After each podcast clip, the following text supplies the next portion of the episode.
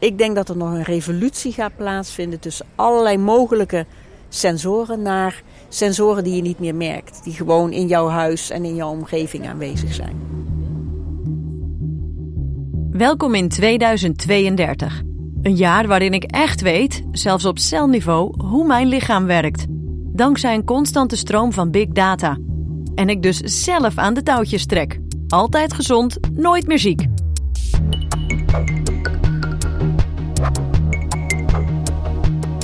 Dit is Bestemming 2032. Een podcast van ABN AMRO, waarin ik je meeneem in de hoofden van experts en ondernemers die denken vanuit de toekomst. Ik ben Aniek van Damme. Hoe kijken we straks tegen ons zorgstelsel aan? Richten we ons dan nog op het genezen van ziektes of alleen nog maar op het voorkomen hiervan? Een slim horloge die je stappen telt of een zorgverzekering waar zaken worden vergoed die je helemaal niet nodig hebt? In 2032 lachen we erom. En die wearable hoef je helemaal niet meer om. Die functies zitten geïntegreerd in je toilet of in die slimme pil. Reis deze aflevering met me mee naar 2032. Slimmer gezond.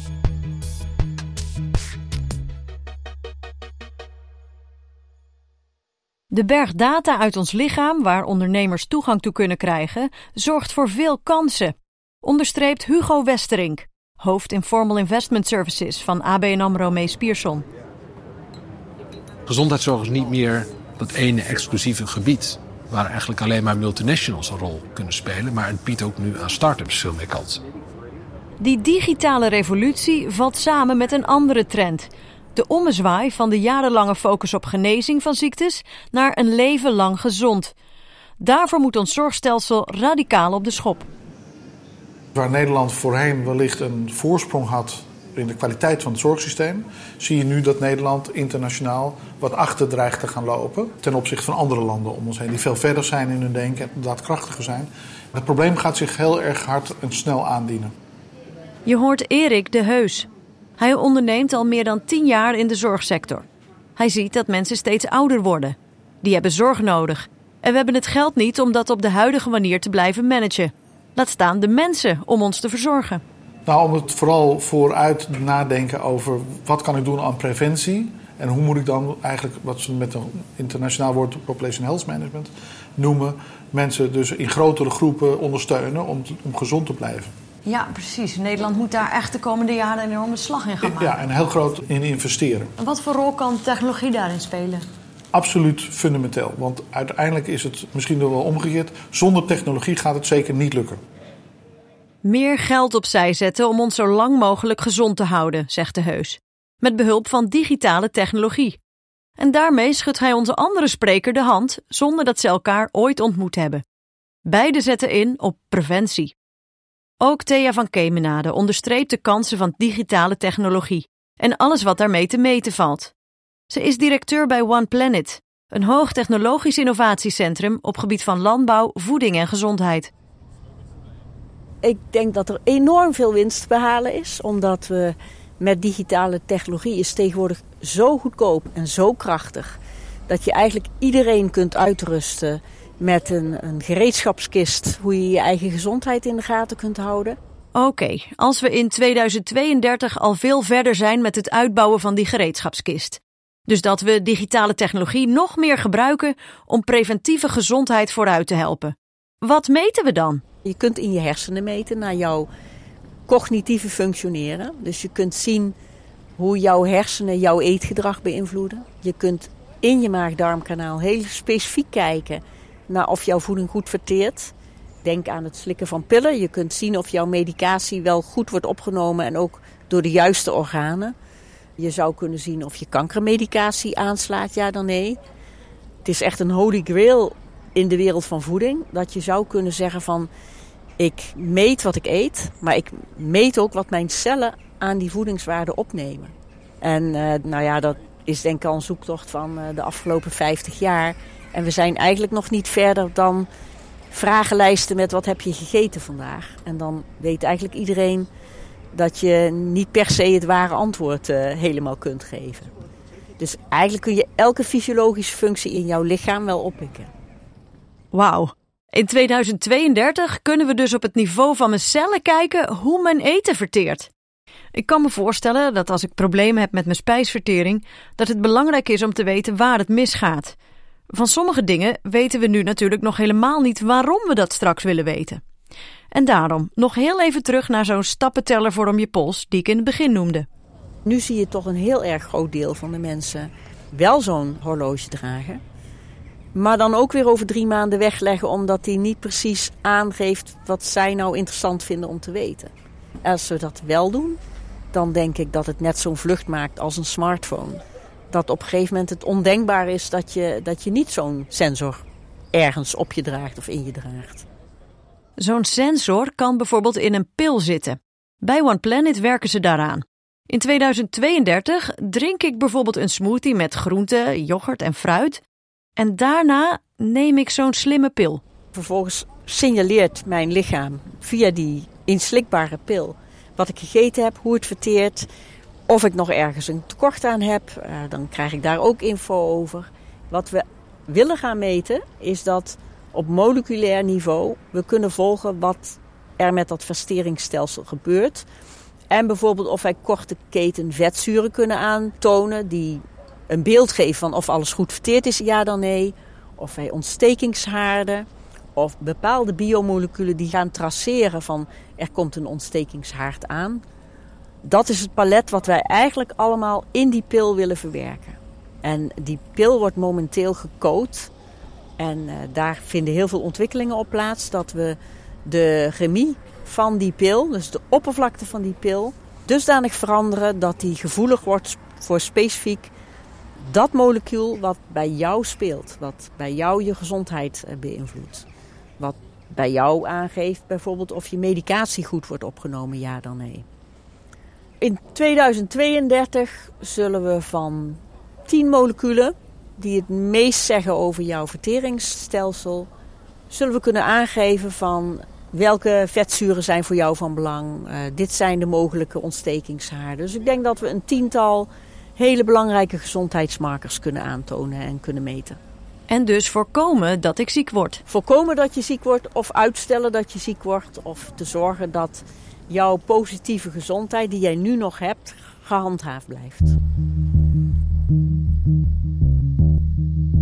Omdat ik bij veel informatie kan over mezelf, ben ik in 2032 waarschijnlijk veel meer bezig met gezond blijven.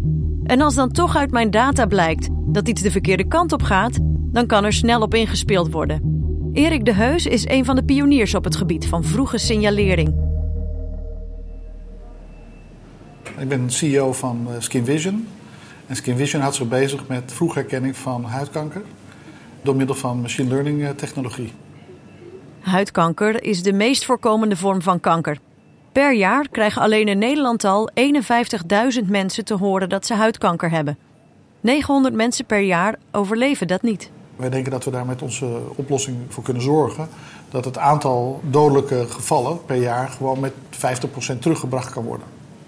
En dan praten we niet over de komende 10 jaar, maar dan praten we over de komende 2, 3 jaar. Als we daar al op inzetten, goede communicatie doen, goede awareness creëren, dan is dat mogelijk.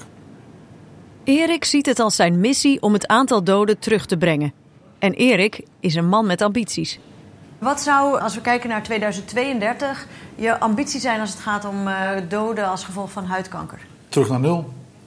In 2032 moet, moeten toch nog maar enkele mensen overlijden aan, aan huidkanker. En dat is misschien omdat mensen het over het hoofd gezien hebben, of dat er iets gebeurd is, of dat het onder een haargrens zit of iets dergelijks. Oké, hoe werkt het? Je maakt een foto van een plekje op je huid, een sproetje, een moedervlek. Vervolgens gaat een algoritme jouw foto vergelijken met andere foto's in de database. Wat voor kleur heeft het? Hoe zien de randen eruit, etc. Via het machine learning netwerk heeft de software geleerd welke moedervlekken gezond zijn en welke vlekken zich kunnen ontwikkelen tot huidkanker. Een sproet of een zeg maar, goedaardige moedervlek. Daar krijg je terug van nou, prima dat je die gefotografeerd hebt. Je slaat automatisch op de bodymap. Dat is een afbeelding van je lichaam in de applicatie Waarbij je dus de foto's ook kan plaatsen op je lichaam, kan je hem opslaan. En dan geven we aan van maak nou gedurende een bepaalde tijd steeds even een foto. Om te kijken of er niet een verandering is opgetreden in die moedervlek. Op die manier check ik dus regelmatig preventief mijn lichaam. Net zoals je twee keer per jaar bijvoorbeeld naar de tandarts gaat om even te controleren of eh, je gebied goed is, kan je hier dit vergelijken met dat je elk jaar even drie, vier keer per jaar controleert of je huid goed is. En als die vlek verandert, dan ga je in ieder geval met een goede reden naar de dokter. En dat scheelt tijd en dus geld. Elke dokter wil gewoon zijn tijd besteden aan het beter maken van mensen. En niet aan het constateren dat mensen al gezond waren. Want op het moment dat je de juiste mensen bij de juiste dokter de juiste plek krijgt. En dan ook nog heel vroeg, kan je voorkomen dat je dus allerlei kosten maakt in de tussentijd. Maar ook hele dure therapieën en, en behandelingen kan voorkomen. Volgens de Heus kan dit een derde van alle zorgkosten besparen. En grote maatschappelijke effecten hebben. Maar ondernemers denken vooruit. De heus is niet te stoppen.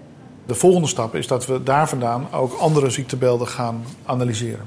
Dus als we praten over 2032, dan is met Skin Vision kan je alles wat met je huid te maken heeft managen. Van de gezondheid, wat voor type producten je zou moeten gebruiken om je huid goed te verzorgen, tot wat voor producten je zou moeten gebruiken om je te beschermen tegen de zon, tegen andere invloeden van buitenaf. En dat voor alle huidtypen. Acne, psoriasis, eczeem. Er zijn 2200 huidziekten die je kan herkennen. Dus wij zien voor ons als doel om dat verder uit te gaan bouwen tot alle ziektebeelden voor het huid. Dat gaat over het vroeg herkennen van afwijkingen in je huid. Maar je voorkomt er niets mee. In 2032 wil Erik volledig doorpakken als het gaat om preventie. Ik ben ervan overtuigd, en dat is ook wel waar we naartoe willen werken, is dat we predictive, dus voorspellende waarden kunnen toevoegen door inzet van technologie, waarin we gewoon zien, dit gaat een geval worden van, of met meer dan 90% van huidkanker. Dus dit is onze echte risicogroep. En daar kan je dan op een gegeven moment andere diensten gaan aanbieden, namelijk een combinatie van techniek en misschien wel verder gaan in de behandeling, in de preventieve behandeling. Namelijk mensen proactief uitnodigen om te checken op gebieden waarin ze misschien zelf nog niet gedacht hebben dat het iets gevaarlijks was. Je zou dan in een risicoprofiel kunnen vallen. Bijvoorbeeld, ik ben als kind vaak verbrand door de zon, heb meerdere moedervlekken op mijn lichaam en ben dan inmiddels op leeftijd. En uit mijn bloed blijkt dat ik genetische aanleg heb voor huidkanker. In Australië is twee van de drie mensen krijgen huidkanker in hun leven. Dus dan is het niet of je huidkanker krijgt, maar wanneer. Dus dan kan je meer gaan kijken naar welke leeftijdsgroepen moeten we voorselecteren om. Dus dan eigenlijk meer de populatiemanagementkant, dat is iets waar we heel erg in geloven.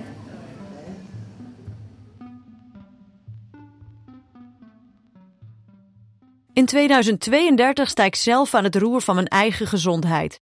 Ik heb precies helder hoe ik mijn lichaam in optimale gezondheid kan houden. En dat betekent dan vast ook wel dat ik super gepersonaliseerde hulp of medicatie ga krijgen. Toch, Thea? De praktijk zal wel aangeven wat er te ver gaat. En we moeten niet alleen maar in termen van uh, persoonlijke adviezen denken, we moeten ook aan doelgroepen denken.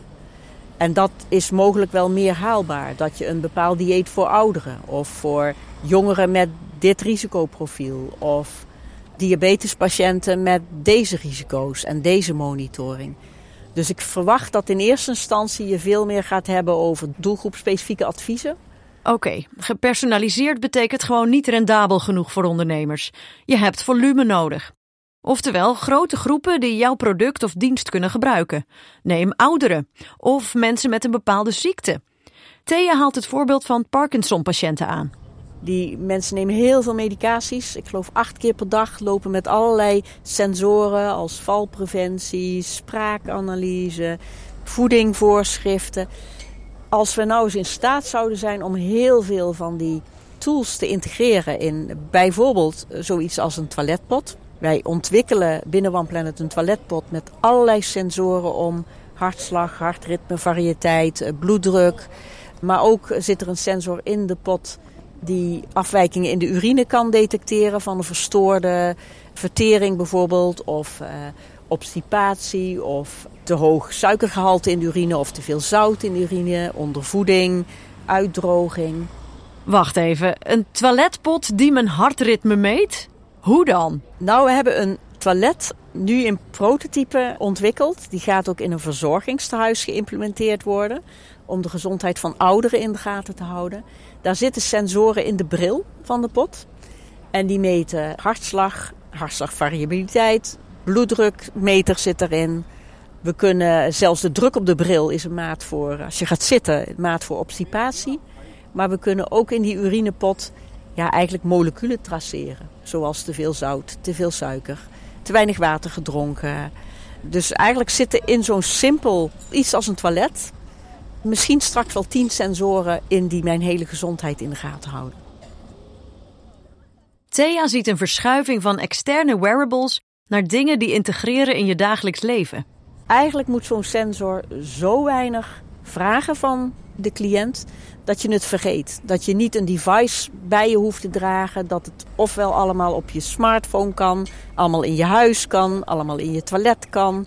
Dus ik denk dat er nog een revolutie gaat plaatsvinden tussen allerlei mogelijke sensoren naar sensoren die je niet meer merkt. Die gewoon in jouw huis en in jouw omgeving aanwezig zijn. In het geval van herkennen van plekjes op mijn huid hoef ik in 2032 mijn telefoon niet meer te pakken voor een foto. Maar dan heb ik misschien wel zo'n slimme spiegel, die terwijl ik mijn tanden poets mijn moedervlekken checkt en dat de algoritmes hun werk doen. Volgens Van Kemenade kunnen slimme apparaten niet alleen fysiologisch het verschil maken, maar ook een grote rol spelen in mentale gezondheid. Heel veel mensen werken tegen een burn-out. En wat zou het fijn zijn als we vooraf, zonder er al te veel voor te hoeven te doen, gewoon via je smartphone of via een horloge, triggers terugkrijgt die zegt van even rustig aan. Je dreigt nu in een stressniveau te raken die je niet meer gezond kunt hanteren. Dus stop even, doe even een stapje terug. Of uh, die valdetector waar ik het zojuist over had. Begeleid mensen in hun beweging, zodat ze ook eerder voelen van nu moet ik even gaan zitten. Dus het heeft eigenlijk op je hele fysieke, maar ook op je hele sociale gestel, kan het bijdragen.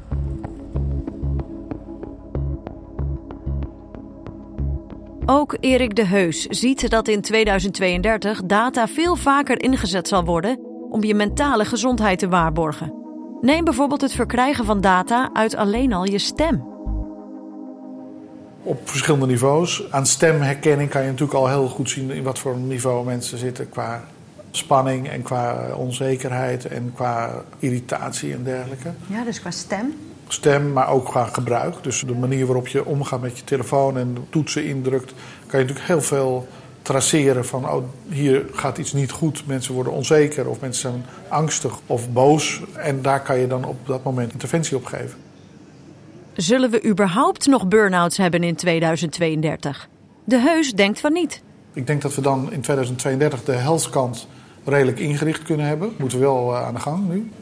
Maar dat we dan vooral aan de well-being kant bezig zijn. Dus geluk, tijdsbesteding. We zullen in een proces zitten dat men niet iedereen meer aan het werk is en hoeft. Dus dat is ook interessant om over na te denken. Van werk voor de helft van de populatie. Nou, dan moeten we nadenken, wat gaan we met de andere helft van de populatie doen? Want die moeten ook een positieve bijdrage kunnen leveren. Oké, ideeën genoeg over de toepassingen. Van Kemenade vat samen waar ze kansen ziet liggen voor ondernemers. Sensoren wordt erg belangrijk, eh, KI wordt erg belangrijk. Data koppelen en de juiste dashboards voor de persoonlijke feedback wordt heel belangrijk. Dus dat zijn allemaal onderdelen waar er goed geld te verdienen valt. Maar hoe zet je dat nou om in een businessmodel? Hoe kun je geld verdienen met preventie? Ik spreek Hugo Westerink, hoofd Informal Investment Services. Informal investment is een Engelse term, maar het wordt eigenlijk alleen maar in Nederland uh, gebruikt. In het buitenland wordt vaak de term business angel of angel investing uh, gebruikt. Maar een informal investor is iemand die met geld investeert in een uh, bedrijf in ruil voor een minderheidsbelang. Maar niet alleen met geld, maar ook met toegevoegde waarde. En dat kan natuurlijk zijn kennis, een ervaring of een netwerk. Maar in ieder geval een investeerder die ook echt met meer dan alleen geld probeert van een andere onderneming een succes te maken. Westerink is dus een matchmaker. Hij koppelt start-ups met potentie aan ervaren investeerders, die in hen geloven en verder willen helpen, met meer dan alleen geld. Hij ziet dat er komend decennium een momentum ontstaat, dat enorme kansen biedt aan ondernemers als het gaat om inzetten op een gezonde leefstijl. Er komen een aantal dingen samen, dus ik denk dat de vraag er naar enorm toeneemt. En aan de andere kant wordt de technologie zo dat het steeds eenvoudiger wordt om daar ook apps of andere technologische toepassingen voor te ontwikkelen. En dat zie je dan ook steeds meer gebeuren. En uiteindelijk rollen daar dan één grote winnaar meestal, of misschien twee of drie andere spelers uit. die een grote rol op dat vlak gaan spelen. Mijn aandacht heb je. Ik merk dat ik bezig ben met die omslag in mijn denken. Ik wil zo lang mogelijk gezond blijven en ik wil daar best wel tijd in investeren. En vooruit geld. Waar jij het nu over hebt, preventie en hoe kun je nou iets in gedrag doen, dat is nog veel eenvoudiger. In de zin dat het veel minder geld kost om dat soort tools naar de markt te brengen. Gecombineerd met de technologie die dat mogelijk maakt. Dus dat is denk ik een belangrijke verklaring waarom je daar nu zoveel eh, van ziet. Dus gezondheidszorg is niet meer dat ene exclusieve gebied waar eigenlijk alleen maar multinationals een rol kunnen spelen. Maar het biedt ook nu aan start-ups veel meer kansen. Westerink en zijn team screenen jaarlijks zo'n 700 startende ondernemingen. Maar hoe pik je nou die grote winnaar eruit? Kijk, het makkelijkste is bedrijven te beoordelen die al langere tijd bestaan. En waarbij je terug kan kijken en kan zeggen hoe succesvol ben je in de afgelopen jaren geweest. Maar bij een start-up valt er nog niet zoveel te zeggen. Wat er wel is, daar proberen we zo goed mogelijk op te letten. Wie zijn de ondernemers? Wat hebben ze van product-idee gedaan tot uiteindelijk een product in de markt te krijgen? We kijken ook naar de achtergrond van die ondernemers. Hebben ze eerder vergelijkbare dingen gedaan? Hebben ze andere bedrijven gedaan? Valt daar iets over te zeggen? En we kunnen kijken naar hoe het bedrijf nu is opgezet. Hebben de ondernemers er voldoende eigen kapitaal in gestopt? Zijn ze committed genoeg om dit te doen? Vullen ze elkaar uiteindelijk aan? En ziet het plan er realistisch uit? Wat zijn de interessante businessmodellen waar je als startende ondernemer op kunt inzetten? Wil je in 2032 een succesvol bedrijf hebben? De eerste vraag is: op wie gaat jouw dienst of product zich richten? Zoals in iedere industrie splits je dat meestal op tussen B2B-producten en B2C-producten. Dus verkoop ik het aan een ziekenhuis en andere professionele partijen of is het gericht op de consument? Nou, als het naar de consument gaat, ja, dan is iedereen dol op abonnementsdiensten, omdat je een steeds terugkerende omzet hebt waar je in elk geval op kan rekenen en waar je uiteindelijk ook op kan bouwen. Ik denk dat voor heel veel investeerders zijn veel meer geïnteresseerd in een B2B-model, omdat de verkoop aan zakelijke partijen vaak een heel stuk eenvoudiger is dan een enorme marktpositie te zien verwerven met je app of product waar duizenden, zo niet miljoenen klanten uiteindelijk eh, gebruik van moeten maken. Dat is vaak een winner-takes-all markt. Terwijl de B2B-markt, daar kun je ook als een middelgrote speler heel succesvol in eh, zijn. Of juist in een hele kleine niche een ideaal product bieden. Westerings punt is dus dat een app die erop gericht is mijn leefstijl te verbeteren in 2032 heel succesvol kan zijn en dus veel geld op kan leveren. Neem bijvoorbeeld een meditatie-app als Headspace, als je de massa maar meekrijgt. Kijk, de potentie van een Headspace-achtige app is gigantisch en heel erg groot. Maar dan moet je dus echt de winnaar hebben in dat segment, wat enorme aantallen gebruikers uh, trekt die daar ofwel een fee voor willen betalen of je verzint daar een ander verdienmodel aan. Als je iets hebt over een bedrijf dat echt een unieke technologie heeft ontwikkeld, iets waar je bijvoorbeeld ook patent op kan aanvragen, en je kunt dat in de markt zetten, dan betekent het dat je iets verdedigbaars hebt, waar je dus ook een veel hogere prijs per stuk voor kan rekenen. En dan gaat het niet om de massa die je daarheen hoeft te trekken, maar alleen maar de juiste doelgroep. En dan kun je daar marktwinnaar in worden. Onze ondernemer Erik de Heus is ook eigenaar van Personal Health Solutions Capital en investeert dus zelf in innovatieve bedrijven in de zorgsector. Terwijl Westerink meer ziet in B2B, kun je met een goed B2C-plan bij de Heus aan de bel trekken. Wat zou je aan hen willen meegeven die dit uh, dat, dat de ervaring die we hebben, we heel graag willen delen. En heel graag dus in contact willen komen met interessante investeringsmogelijkheden die vanuit een bepaalde schaal nadenken over hoe oplossingen internationaal ook een impact kunnen bieden.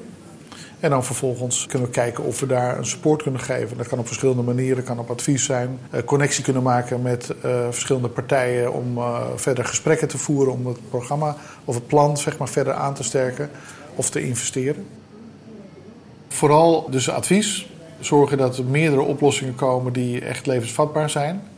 En dan uiteindelijk ook natuurlijk een financiële rendement te halen. Maar dat is wat ons betreft eigenlijk wat meer secundair dan dat eerste deel. Je kan natuurlijk ook zorgen dat je product of dienst vergoed wordt door een verzekeraar. En dat is precies wat Erik doet met Skin Vision. Wij bieden de verzekeringsmaatschappij aan om het aan hun klanten aan te bieden. Dus het wordt in feite bekostigd de klanten die dan SkinVision willen downloaden, kunnen zich linken met hun verzekeringsmaatschappij, dus in feite op hun eigen polis, en krijgen dan de dienst gratis ter beschikking. Enkele grote zorgverzekeraars werken hier al mee. Dat laat ook zien dat ook de grote spelers mee de preventiekant op bewegen. Logisch eigenlijk. Het uitgangspunt van een verzekeraar zou toch moeten zijn: hoe kan ik zorgen dat mijn verzekerde langer en gezonder leeft? En als ik daar ook nog geld mee kan besparen, of in ieder geval niet hoef uit te geven, nog beter. In 2032 zal de Skin Vision app van de Heus door alle verzekeraars vergoed worden, stelt de Heus. En, schat van Kemenade in, zal de helft van alle verzekeraars actief inzetten op preventie. Door bijvoorbeeld korting te geven op de premie als je kunt laten zien dat je gezond leeft.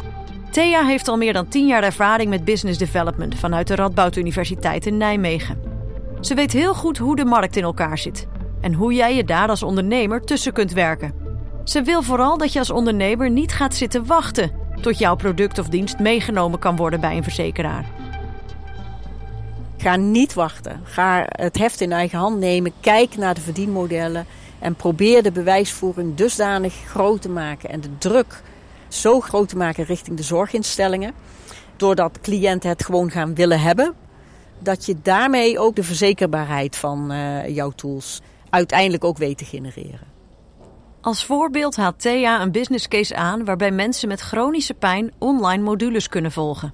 Ze krijgen allerlei trainingsmodules, ze krijgen adviezen op een persoonlijk dashboard wat hun wordt toegestoken. En heel veel mensen zeggen, zowel de cliënten zelf als de mantelzorgers rondom de cliënt: Oh, dit is mij echt wel 25 euro per jaar waard. En omdat de digitale modules zo goedkoop zijn, is dat ook wat het kost. En meer ook niet. Dus daar begint het te vliegen. En er zijn uh, iets van 3 miljoen chronisch pijnpatiënten in Nederland. Dus je kan ook je voorstellen dat met 25 euro per persoon je best wel een goed verdienende business case hebt. Met je potentieel aan 3 miljoen cliënten. En zo zijn er meerdere te bedenken. Dat als jij denkt aan dieetadvies, om dat persoonlijk te maken. Ik denk dat heel erg veel Nederlanders iets over zouden hebben voor echt een persoonlijk dieetadvies. En uh, ook suggesties hoe je dat volhoudt. Dus het volume van preventieve gezondheid is heel erg groot. Dus daarom kan ook zonder een verzekeringsstelsel kunnen er toch gewoon, zeker voor de pioniers van deze wereld, kunnen er hele mooie business cases uh, uit voortkomen. Om als winnaar uit de bus te komen in 2032 in deze markt, willen Erik en Thea je graag helpen. Erik trapt af over het beschermen van data van de gebruiker. Die gegevensbeveiliging is niet een statisch gebeuren. Dat is eigenlijk een soort constante oorlogsvoering. Er zijn allerlei invloeden van buitenaf die constant proberen inbreuk te maken op die gegevens. In beveiliging bijvoorbeeld. En doordat het technologie is, is dat een constant evoluerend traject. Het is niet zo dat je kan zeggen, nou het is goed nu en we zijn klaar. Je moet blijven zoeken en blijven challengen in waar liggen mogelijke gevaren. Maar het ook blijven zoeken naar nieuwe bedreigingen van buitenaf, waar je toen de tijd, toen je dat opgezet hebt, niet van op de hoogte was, om daaraan te blijven voldoen. Ja. Dus zeker geen makkelijke uh, oplossing. En de zwakste schakel is alle menselijke interactie. Thea wijst je graag nog even op het ethische dilemma. Willen wij dit überhaupt wel allemaal? Ja, een van de valkuilen vind ik, en dat komen we ook in onze gesprekken best wel tegen. Dat stel je gaat met zo'n slimme pil in je maag-darmkanalen meten van wat jouw afwijkingen zijn in jouw vertering, is ook de vraag: wil ik dat eigenlijk wel weten? En ik denk dat we dat heel erg tegen zullen gaan komen. Ik zal in 2032 vaker mezelf dit soort dingen moeten afvragen. Wil ik weten dat ik een grotere kans op borstkanker heb? Of Parkinson? Ik vind het serieus heel lastig. Terwijl ik dat nu nog voor me uitschuif, zal dan de technologie zo ontwikkeld zijn dat ik die vraag gewoon voor mijn netvlies zie verschijnen. Via mijn ooglensimplantaten bijvoorbeeld. Negeren is dan een stuk lastiger. Volgens mij is daar nog ongelooflijk veel te doen van hoe je wil omgaan met data en hoe je nadenkt over data en wat je zelf wil vrijgeven als data.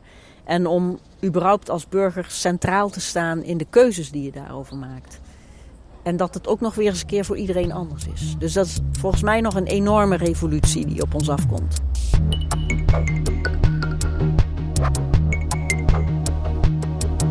Je luisterde naar Slimmer Gezond, een aflevering van Bestemming 2032. Onze gasten waren Hugo Westerink, hoofd Informal Investment Services bij AB Namro Mees Pierson, Erik de Heus, CEO van Skin Vision, en Thea van Kemenade, directeur van One Planet. Ik ben Aniek van Damme. Leuk dat je luisterde.